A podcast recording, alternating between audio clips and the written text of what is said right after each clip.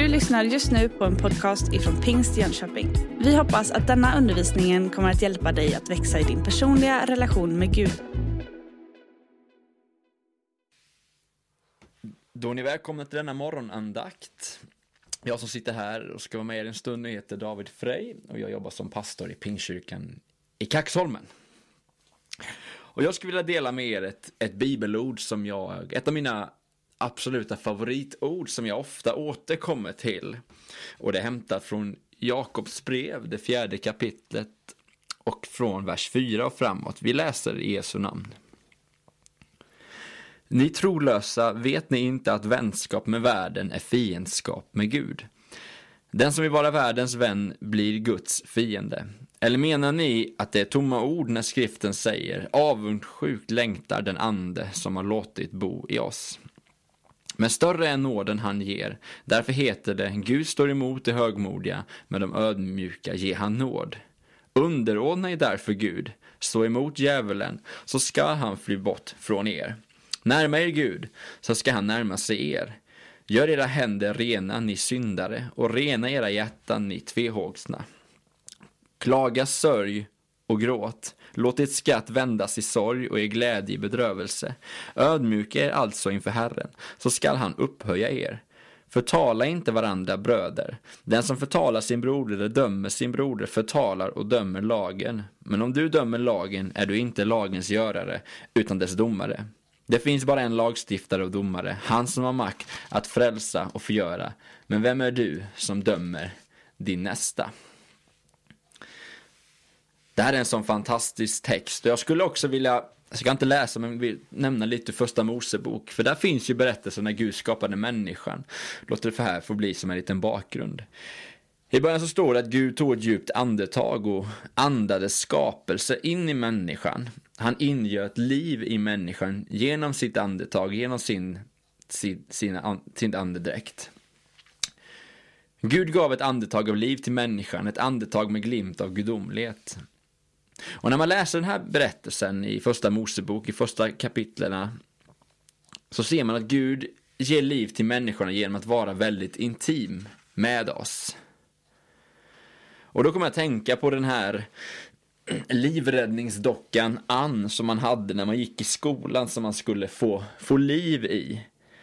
Det var en sån, en torso och ett ansikte så skulle man göra hjärt-lungräddning och så märkte jag det att för att hjälpa någon att få tillbaka livet igen så krävs det att man är rätt intim med den personen. Ansikte mot ansikte, mun mot mun. Att jag ger mina andetag till någon annan för att ge liv. Och när Gud skapade människan så gjorde han inte det på avstånd, han stod inte 20 meter därifrån. Utan människan var det annorlunda, han skapade människan på ett helt annat sätt än han skapade allt annat. Han var intim och andades in. Och Gud längtar idag ständigt efter denna intima relation med sitt folk, med dig och mig. Han älskar, längtar efter vår tid. Och att umgås med oss. Och ibland behöver man göra någonting för det. Och när vi läser den här Jakobsbrevet, framförallt vers 8 och en bit framåt, så är det en sån vers som vi ofta läser mycket i våra sammanhang. Närmare Gud så ska han närma sig er. Men sen stannar vi där. Men jag skulle säga att det finns fyra stycken, det finns några steg som vi kan ta för att närma oss Gud. Hur vi ska göra. Det står här förklarat i de här verserna. Första steget står det så här, för att vi ska närma oss Gud. Stå närmare Gud så ska han närma sig er. Och så kommer steg ett. Gör era händer rena, ni syndare, och rena era hjärtan, ni tveshågna. Du och jag gör alla fel i våra liv. Vi tar fel beslut, vi säger fel saker, vi prioriterar fel. Då och då syndar vi och smutsar ner våra liv. Det är ingen hemlighet, det är en sanning för oss alla. Då behöver vi städa upp ibland. När vi väntar gäster hemma så är det oftast så städar vi hela huset för att bereda plats och göra det rent för den som ska komma. Och du och jag måste varje dag vända oss bort från den synden och bekänna den för Jesus. Genom att rena smutsiga händer och smutsiga hjärtan så visar vi för Jesus att vi verkligen vill närma oss honom på riktigt. När vi har gäster så tar vi ibland, vi duschar, vi gör i ordning håret ordentligt, vi kanske till och med sätter på oss finskjortan och vi lägger benen rätt. För en annan människa. Men vad gör vi då för Jesus? Är han inte viktig för oss? Låt oss städa upp, för Gud och synd matchar inte. Rena dig och gör dig redo för att närma dig honom intimt. Andra steget hittar vi i vers 10. Där står ödmjuka er inför Herren, så ska han upphöja er. Alltså, låt oss ödmjuka oss. En person som inte ödmjukar sig kommer aldrig kunna närma sig Gud på riktigt. För den personen är för upptagen med att upphöja sig själv hellre än att böja knä inför Gud. Varför är det så viktigt att ödmjuka sig? Jo, först och främst för att Gud är stor. Och för roten till vår synd tror jag är att vi inte böjer oss inför Gud. Vi slår oss sällan för bröstet och säger se till mig, syndare. Och jag gillar om, tycker om att säga att Gud kommer aldrig manifestera sin närvaro på en plats där människor inte visar vördnad för honom. Jag tror att vi alla behöver lära oss att frukta Gud för att också närma oss honom på riktigt. Att frukta betyder helt enkelt att böja sig, att visa vördnad, aktning och respekt inför den helige guden. Och det är vördnaden inför Gud som håller oss borta från synden. Och det är synden som håller oss borta från intimiteten med Gud, som vi är kallade från, från jordens start och början att vi ska ha. Ödmjuka dig inför Gud. Visa i djup vördnad och tillbedjan att det är han som är störst. Att det inte handlar så mycket om dig, utan mer om honom. För att närma oss Gud så måste vi först städa upp, rena oss. Vi behöver för det andra ödmjuka oss, frukta Gud. Och så finns det ett tredje steg i vers 11 och vers 12. Förtala inte varandra, bröder. Med andra ord, uppför er. Var goda mot varandra. Till en början tänkte jag när jag läste, när jag läste det här bibelordet att nu gick Jakob från att prata om vår relation till Gud till att prata om vår relation till varandra. Jag tänkte nu bytte han ämne mitt i allt. Men sen blev jag mer och mer övertygad om att det här är, är samma, fortfarande helt samma ämne.